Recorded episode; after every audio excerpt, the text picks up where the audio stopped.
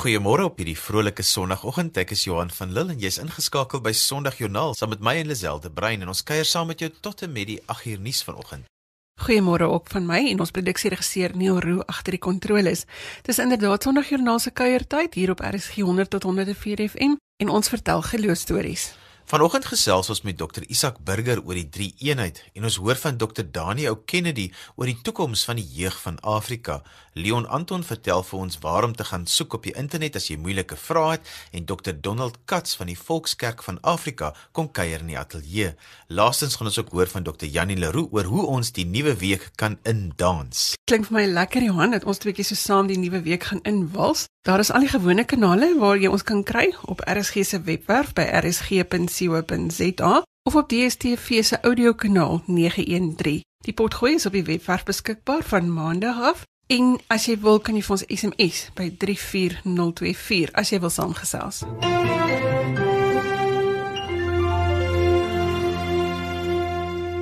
Gelowiges het onlangs Hemelvaart en Pinkster gevier en nou is die fokus op die drie eenheid. Dr Isak Burger is die voorsitter van die Apostoliese Geloofsending van Suid-Afrika en hy sluit vanoggend by ons aan om hieroor te gesels. Goeiemôre Isak. Môre Lisel en goeiemôre aan die luisteraars. Isak verduidelik vir ons hierdie drie name en hoe hulle in mekaar skakel. Lisel, weet jy 'n mens kan maklik kom met die stelling van ons glo in die drie enige God maar om dit te verduidelik dink ek nie is so maklik nie. Mens moet eers as jy besef dat ons weet net van God dit wat hy aan ons openbaar het en spesifiek deur in in die Bybel.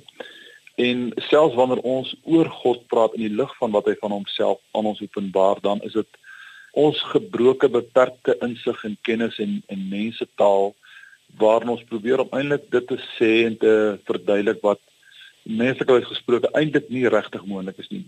Die die die feit is dat 'n mens eers God seker tot die grootste mate sal verstaan en en insig hê wanneer ons met hom verenig is uiteindelik. En daarom ook vind waar dit gaan oor die drie eenheid, was dit een van die groot uitdagings vir die vroeë kerk en dit het hulle feitelik 4 eeue lank in die vroeë kerk van konsilie en sinode na die volgende een gegaan dae, weke, maande aangehou om om te gesels en te bespreek hoe moet hulle dit wat hulle van God in die Bybel lees verduidelik en in woorde saamvat. Uh en uiteindelik het jy het jy byvoorbeeld in die 4de eeu jou konsilie gekry van Nicea in 325 na Christus en dan ook in Konstantinopel in 381 wat sekere probeer verwoord het hoe God, hoe is God drie enig.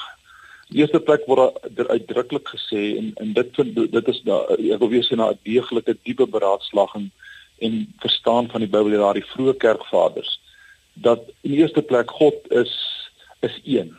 Uh ons kan nie van drie gode praat in die Christelike konteks nie. Daar's een God. Daar's een wese.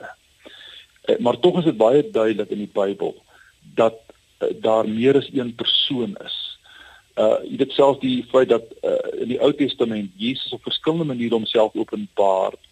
Uh, al lees nie die naam van Jesus per se gekoppel aan die tweede persoon die godheid nie. Uh maar hy veral openbaar hom veral as die engel van die Here.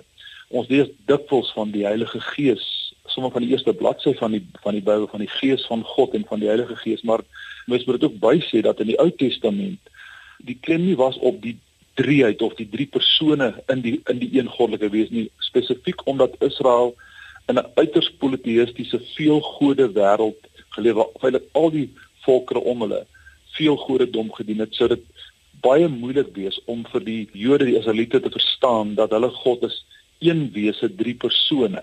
So die in die Ou Testament waar hoofsaaklik geleef word op die op die eenheid van God waar Here ook sê hoor Israel julle God is 'n enige God maar dit beteken nie dat die drie persone van die van die God, die Vader, die Seun, die Heilige Gees nie duidelik openbaar word. Ons kan dit insien, ons kan dit verstaan, ons kan dit lees vanuit die bril van die Nuwe Testament nadat Jesus openbaar is. Natuurlik in die Nuwe Testament is daar veelerlei as is onweerlegbaar die die die die die die openbaring van God in drie persone. Uh, ek meen in elke faset van byvoorbeeld Jesus se lewe, van sy verwekking, sy geboorte, sy kruisiging, sy doop, uh, sy hemelvaart, sy wederkoms in Openbaring reg deur die Nuwe Testament kom dit duidelik na vore drie identifiseerbare persone uh persone wat wat ook emosie het. Dit moet ons onthou dat God God is is nie 'n idee nie. God is nie 'n abstrakte begrip nie.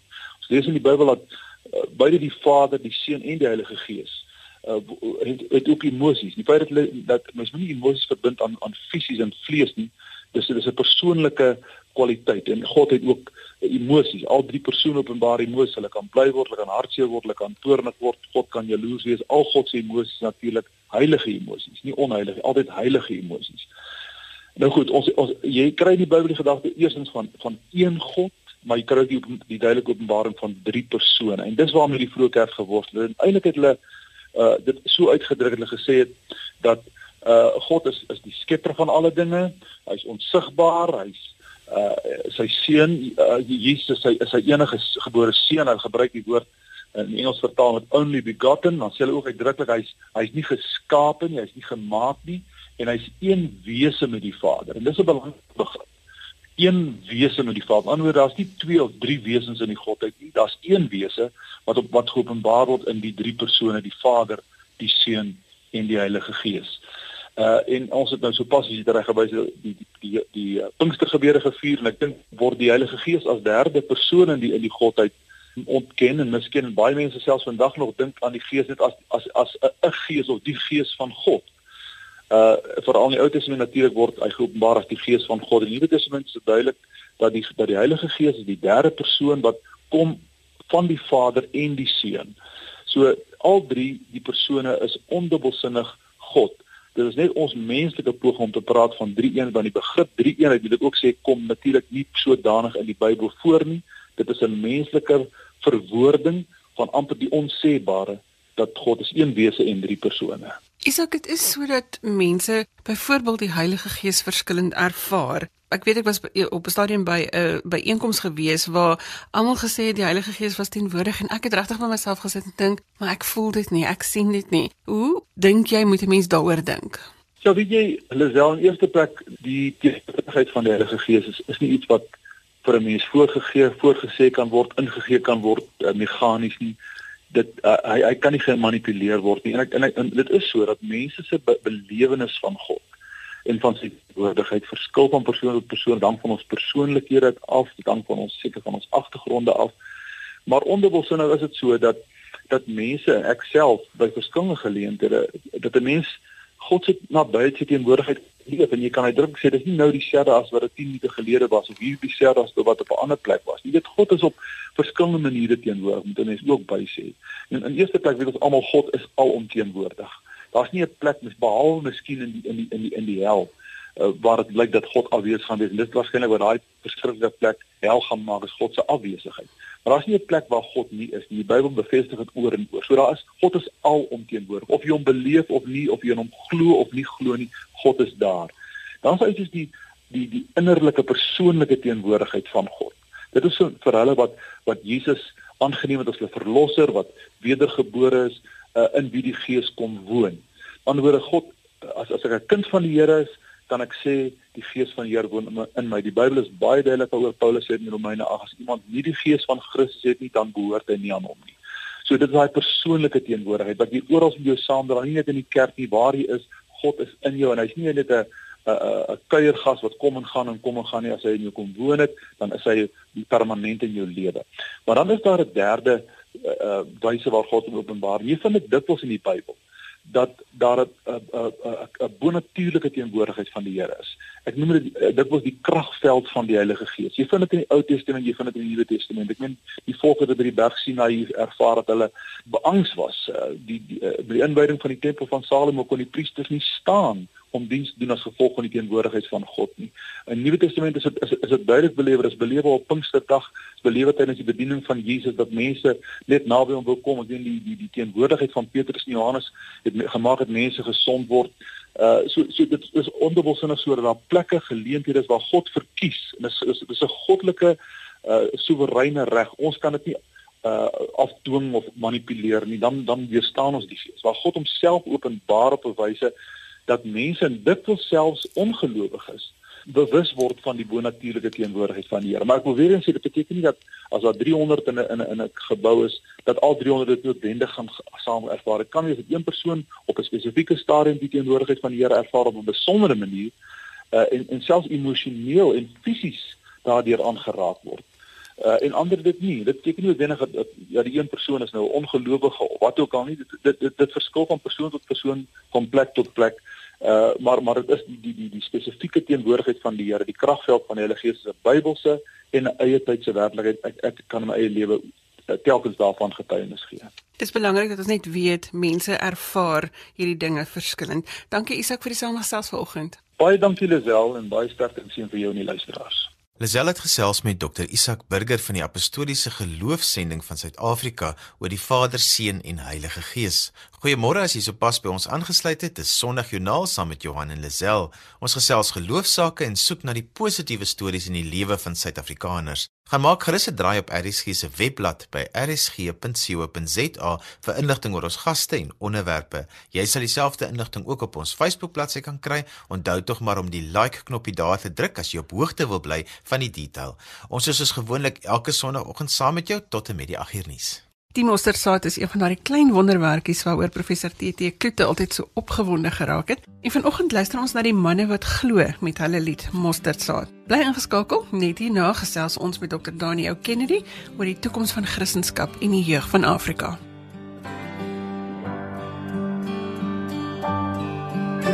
Hy die mosterdsaad kom plant in my met sy woord het hy dit nat gelei en 'n sonstraal van liefde daaroor laat skyn. En die mosterdsaad word 'n lewensboom, gewortel langs 'n waterstroom en dra vrugte van geloof, liefde en hoop. En as jy my vrou ek staan bly en 'n stukkende wêreld rigting kry, dan kan ek bely. Dis die mosterd saad in my. En as ek so wonder hoe jy bly vertrou en die donkerte steeds rigting hou, dan sien ek dit gou. Dis hy mosterd saad in jou. Is daar 'n stormwind oor jou stormsee? Is jy bang jy sink?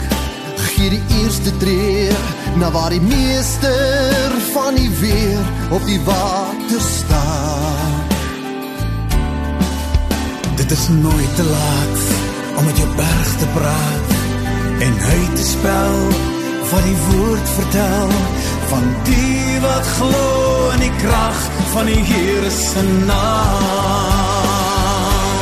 En as jy my vrou ek staan te bly in 'n stukkende wêreld rigting kry, dan kan ek bely. Dis die mosterd saad in my. En as ek so wonder hoe jy bly vertrou in die donkerte steeds rigting hou, dan sien ek dit gou. Hy mosterd saad in jou. Die voedingskrag in die levensbrood Is die krag van die mosterd woord En as jy my vrou ek staande bly In een stikkende wereld richting kry Dan kan ek bly Dis die mosterd saad in my oh, En as ek so wonder hoe jy bly vertrou In die donkerte steeds richting hou Dan sien ek dit gauw Dis hy mosterd saad in jou. Ja, as ek so wonder hoe jy bly vertrou in die donkerte steeds rigting hou, dan sien ek dit gou. Dis hy mosterd saad in jou. Dan sien ek dit gou. Dis hy mosterd saad in jou. Dan sien ek dit gou. Dis hy mosterd saad in jou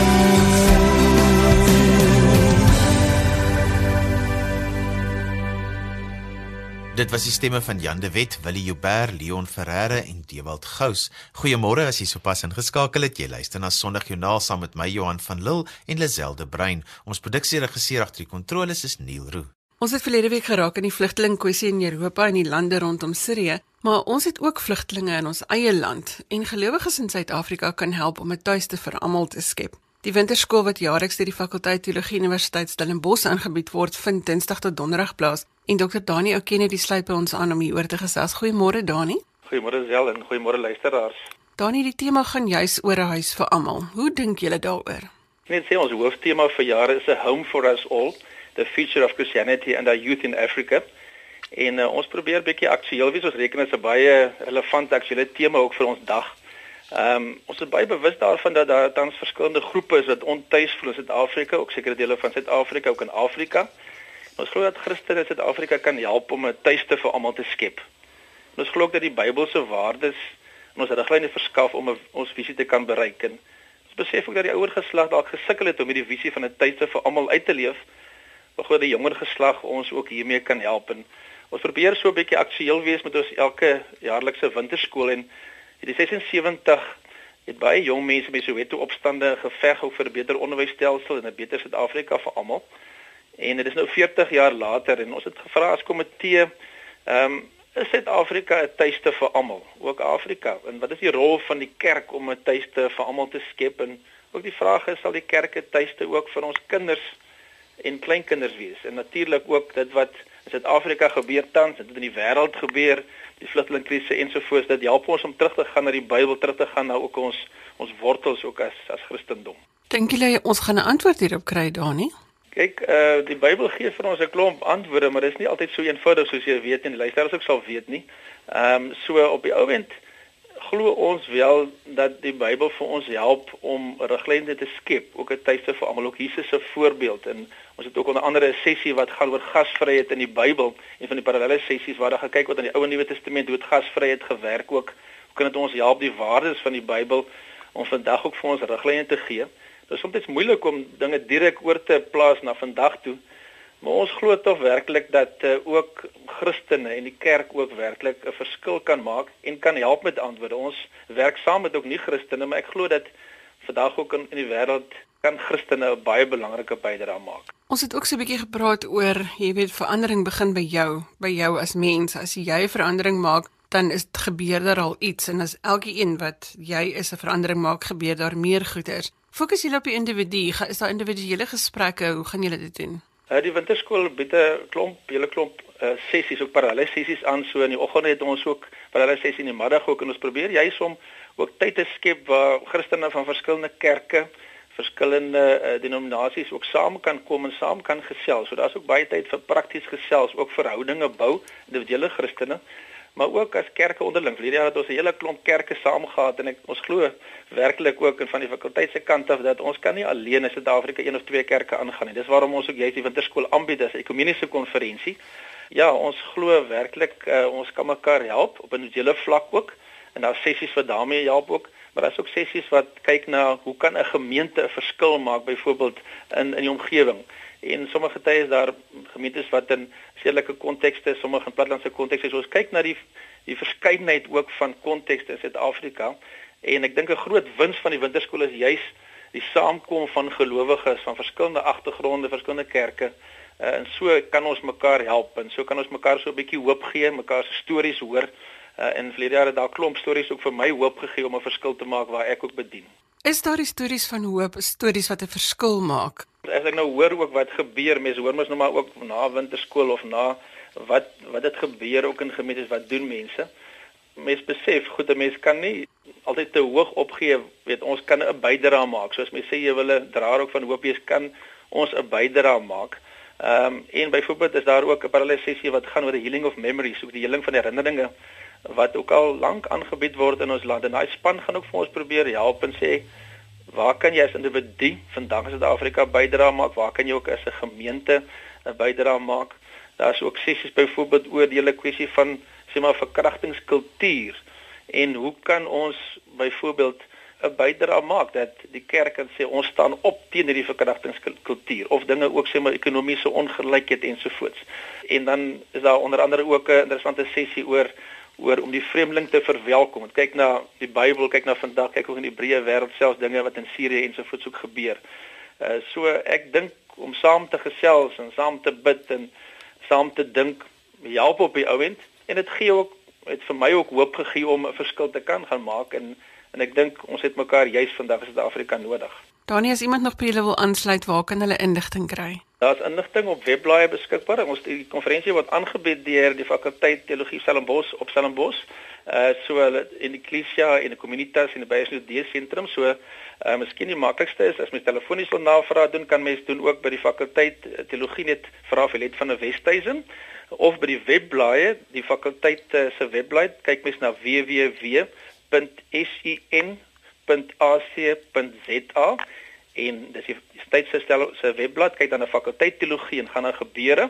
En daar is die volledige program inskrywingsvorm of jy kan kyk ook na Communitas se webblad communitas.co.za en mense is ook welkom om die dag self dit sal wees dan van Dinsdag 31 Mei tot Donderdag 2 Junie 2016 hulle is welkom om daar by Dorpstad in te skryf ook Uh, en ook ek kan net vir een dag inskryf. Die inskrywingsfooi per dag is maar R100 of vir die 3 dae R350 wat 'n spitbrouk insluit. En as jy wil skakel, hier let se nommer is 021 808 9560. Dis 021 808 9560 en is uiteraard van die saak kantoorure.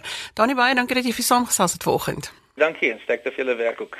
Lisel het gesels met Dr. Daniel Kennedy oor die winterskool by die fakulteit teologie van die Universiteit van Stellenbosch. Janine het vir ons by Leon Anton gaan uitvind waar hy antwoorde op moeilike vrae op die internet kry. Leon Anton is 'n kunstenaar, maar ons wil bietjie gesels oor sy Christendom. So sê my, in Christendom is daar baie goed wat die Christene nie verstaan nie. Ek praat van die Bybel self. In die Bybel is stories en feite en allerlei goed. Wat doen jy met al hierdie goeters wat nie te verstaan is sover nie? My ervaring uit kan ek sê, gevaarlike dinge wat mens kan doen veral vir jonger Christene. En ek dink baie keer doen ouer Christene dit, mense wat al 20, 30, 40 jaar saam met die Here stap en hulle bedoel goed daarbey, maar dit is eintlik baie gevaarlik. Is om vir 'n jong persoon te sê, uh luister ek weet jy vra, maar die vraag is irrelevant, glo net. Uh ek dink dit dit is baie gevaarlik. Ek het gesien byvoorbeeld toe ek en my vrou in uh, Korea sendingwerk gedoen het. Ons was by 'n Engelse kerk betrokke. Ons het meestal met buitelanders gewerk. En en baie van die Amerikaners met wie ons gewerk het, ons het verskriklik lief geword vir hulle as mense, maar so baie van hulle was verskriklik ontnigter met die kerk. En uh, ons is basies die evangelie en die manier van kerk wees van vooraf vir hulle bekend maak want die ouens kom uit 'n uh, omgewings uit waar enige vrae wat jy het word basies afgegooi en doodgetrap. En die antwoord wat gegee word is net like, jy moet net glo uh, die Here verwag ons moet uh, goed ons nie verstaan nie. Hy is groter as ons, sy wees nie ons weet nie. Nou, ek verstaan hoekom mense dit sê. Maar ek dink nie dis behulpsaam nie. En ek dink dit is nodig nie. En die rede hoekom dit nie nodig is nie is dat uh, jy weet 'n Christen se se standpunt moet altyd wees as wat ons glo reg waar is. As God regtig die skepper van heelal is, as God reg al die antwoorde het, dan moet daar mos geen vraag wees waarvoor ons bang is nie. Uh, ek kan verstaan dat jy weet 'n ou wat new age glo of 'n ou wat sy eie godsdienst skep, dat hy skrikkerig is vir vrae, maar net om wys mense uit hoeveel gate daar is in sy filosofie. Maar Christene moet nooit nooit nooit skaam wees vir vrae nie, want as wat ons sê ons glo waar is, dan dan moet ons antwoorde wees. Ek is verskriklik lief vir die uh, die lewensverhaal van Francis Schaeffer. Francis Schaeffer was 'n Amerikaner wat 'n uh, tipe van 'n Christen retreat sentrum in Switserland gestig het. Hy, uh, maar sy hele uitkykspunt was dat hy nooi mense uit na sy sy retreat sentrum daar in die Alpe in Switserland om met enige vrae te kom. En dan bakkel hulle basies saam hierdie vrae uit. En, en met die jare, die Francis Schaeffer die Amerikaner het verskriklik verstom gestaan en al hoe meer verstom geraak oor hoe Christendom werklik mense se vrae kan beantwoord. In die die inhoudsopgawe van die boek skryf sy vrou hoe sy so opgewonde is dat mense met doktorsgrade en mense met geen opvoeding en mense van verskillende nasies en mense van verskillende etniese groepe en mense van verskillende kulturele groepe en sosiale vlakke al die mense kom na hom toe met verskillende vrae oor Christendom. En uh, as hulle bereid is om op 'n eerlike manier te kyk na die goed dan sien hulle hoe Christendom die ouens se behoeftes kan vervul. Dit is vir my ontsettend encouraging uh, om dit te weet. So ek dink wat ek net wil sê is Mens moet nooit wegskram vir moeilike vrae. Jy moet bereid wees om jou jou breinkrag toe te spits op hierdie goed en om 'n bietjie navorsing te doen en om te, om te lees. En daar's 'n skrikkelike goeie uh, werke wat uit is. Ek weet nie in Afrikaans nie, maar definitief in Engels. Uh, wat mense help met hierdie klas vra, maar die belangrike ding is om dit nie te onderdruk nie. Die uh, die teoloë praat van apologetics of of in Afrikaans apologiek en dis die intellektuele verdediging van Christendom. En dit is 'n baie spesifieke veld en dit is gewoonlik iets waaraan mense bietjie moet lees en bietjie moet navorsing doen. En uh, veral onder Amerikaners is daar vreeslik baie goeie werk gedoen. Jy weet hierdie is ouens wat wat die moeilikste vrae kry van mense af en gaan navorsing doen en bereid is om met die hulp van die Heilige Gees uh, vir ouens antwoorde te gee. So uh een spesifieke persoon wat ek nou kan dink is William Lane Craig. Uh, sy van is Craig en sy naam is William, sy tweede naam is Lane, William Lane Craig. En uh, hy het 'n webwerf Reasonable Faith. Reasonable Faith. Mens kan dit maklik op Google of op die internet kry. En uh, ek weet byvoorbeeld op sy webwerf het hy so tipe van 'n frequently asked questions seksie uh wat mense moet vrae kan instuur en en sê luister hierso is die probleem wat ek het met die Bybel hoekom lyk dit vir my of Matteus en Markus nie saamstem nie of hoekom lyk dit vir my dit maak nie sin nie En uh, dan beantwoord hy daai van die vraag. So dis 'n dis 'n goeie uh, source miskien om mense te verwys na William Lane Craig. Sy webwerf is Reasonable Faith. Uh wat ek hou van Ravi Zacharias is hy's 'n verskriklike goeie spreker.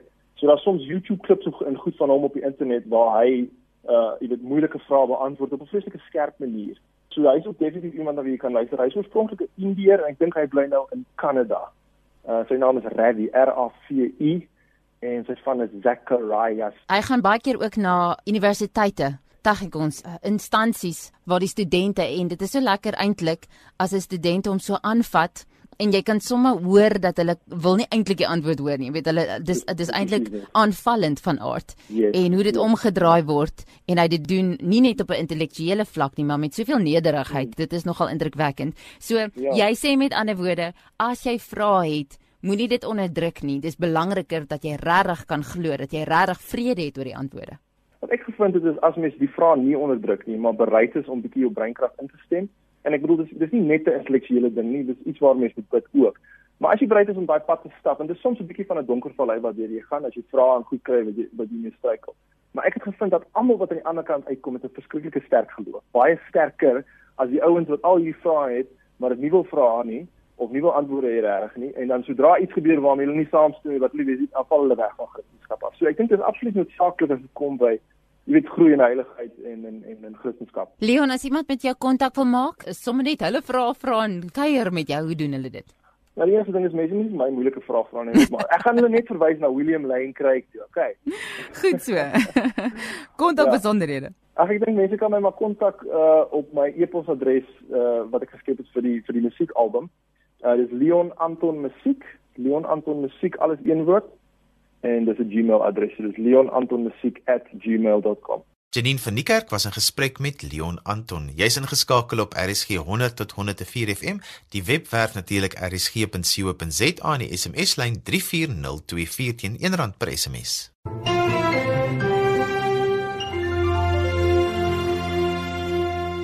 Dr Donald Katz is die moderator van die Volkskerk van Afrika en hy sluit vanoggend by ons aan om 'n bietjie te gesels oor die agtergrond van die Volkskerk en ook oor die studente wat nou by die Universiteit Stellenbosch opgelei word. Môre Donald. Môre Livia. Donald gee gou ons agtergrond, uh die Volkskerk se ontstaan en bedryf. Volkskerk van Afrika is uh op 14 Mei 1922 reeds as 'n uh, onafhanklike gereformeerde kerk gestig en uh, dit het gegroei uh of gekom na aanleiding van twee onderskeie groepe van mense. Uh die eerste groep was in Kaapstad, hoofsaaklik van uit die Kongregasionaliste kerk en die groep uit Stellenbosch was broers en susters wat hulle geskaar het um om as 'n beweging aanvanklik, uh, jy weet, 'n verskil te maak aan mense se sosiale uh omstandighede en wou hulle uh, ook daarby geestelike en morele ondersteuning verle verleen.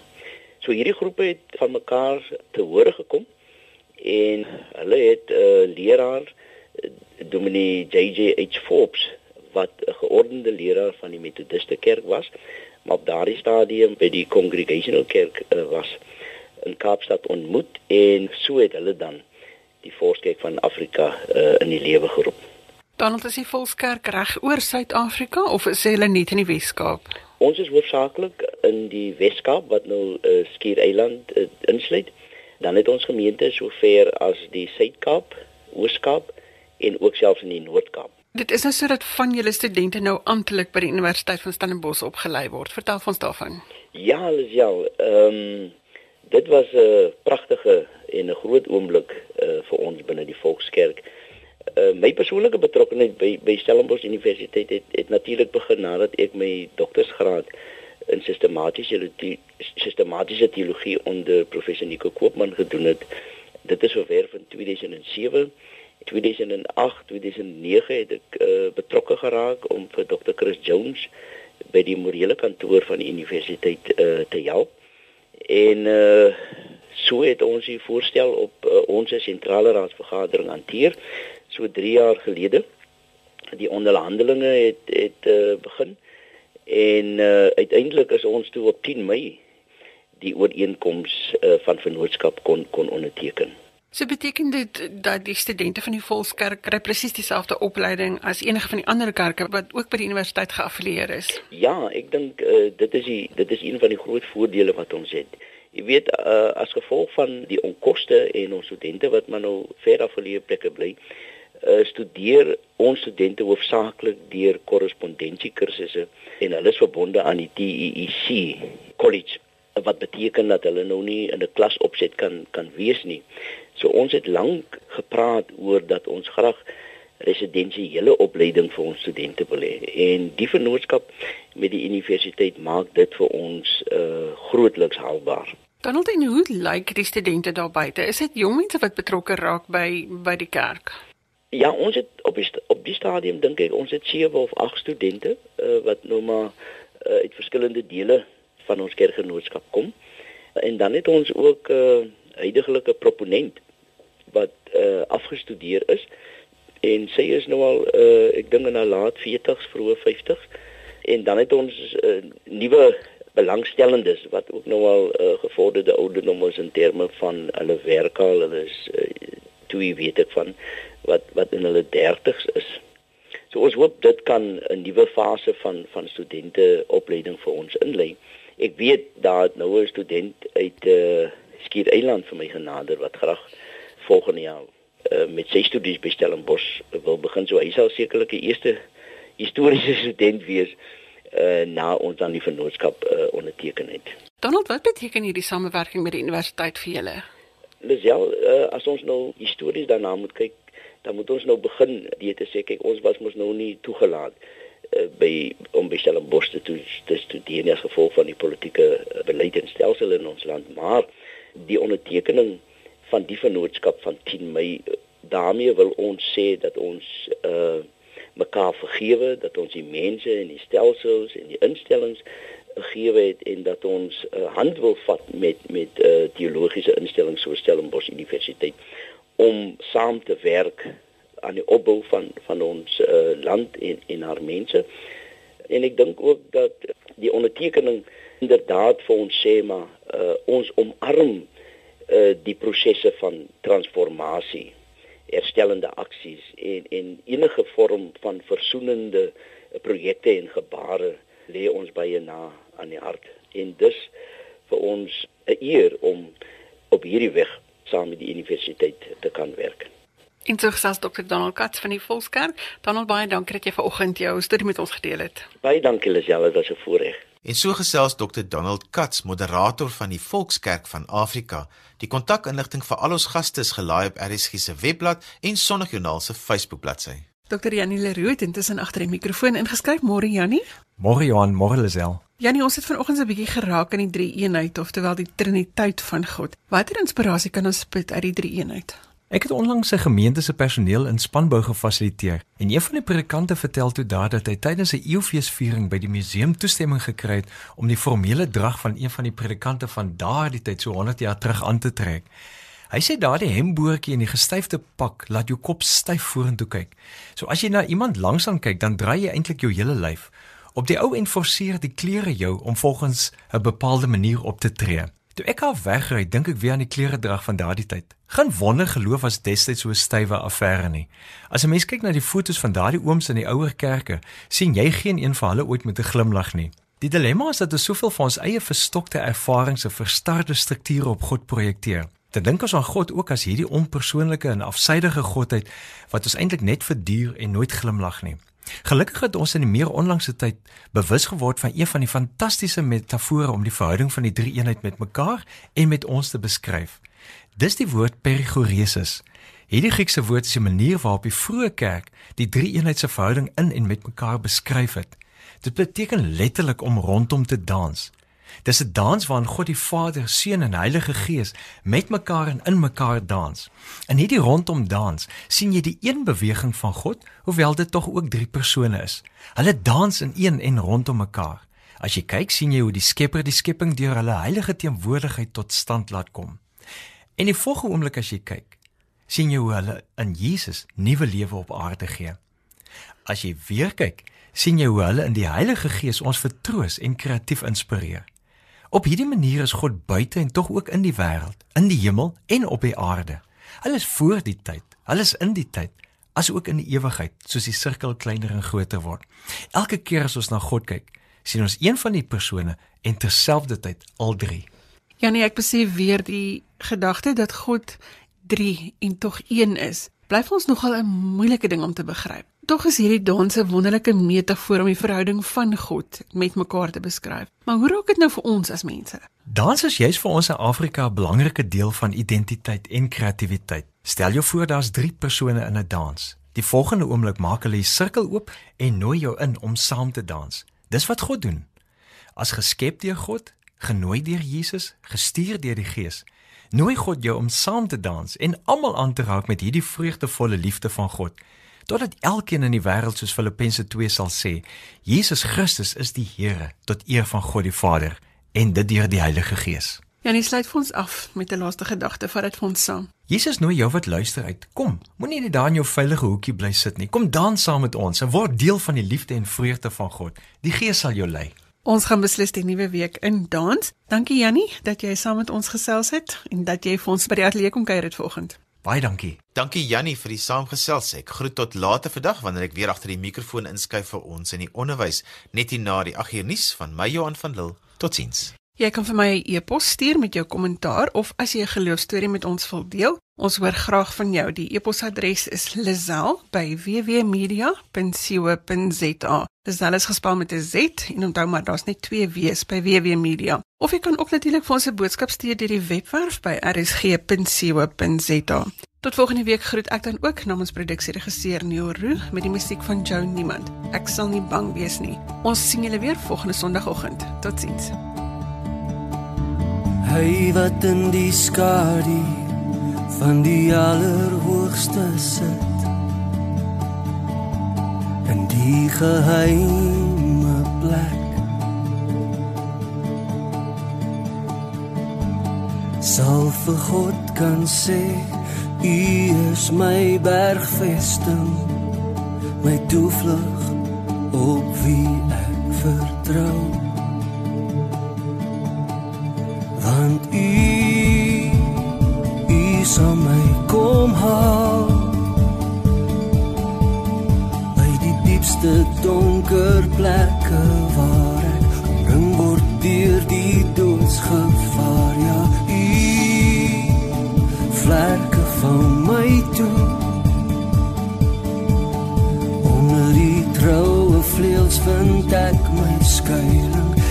Vure is my skuld my bevryding ek sal nie